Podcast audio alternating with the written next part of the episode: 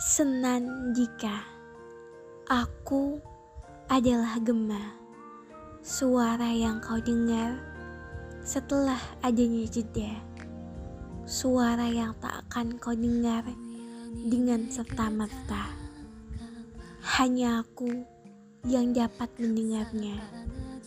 Suara-suara yang kini mati beragan, terenggung dalam jiwa tak berpintu. Padanya, aku tak pernah meratap. Pada luka yang kau buka tak kunjung reda. Hingga ku katakan padanya, aku baik-baik saja. Takkan ku jadikanmu seorang tersangka.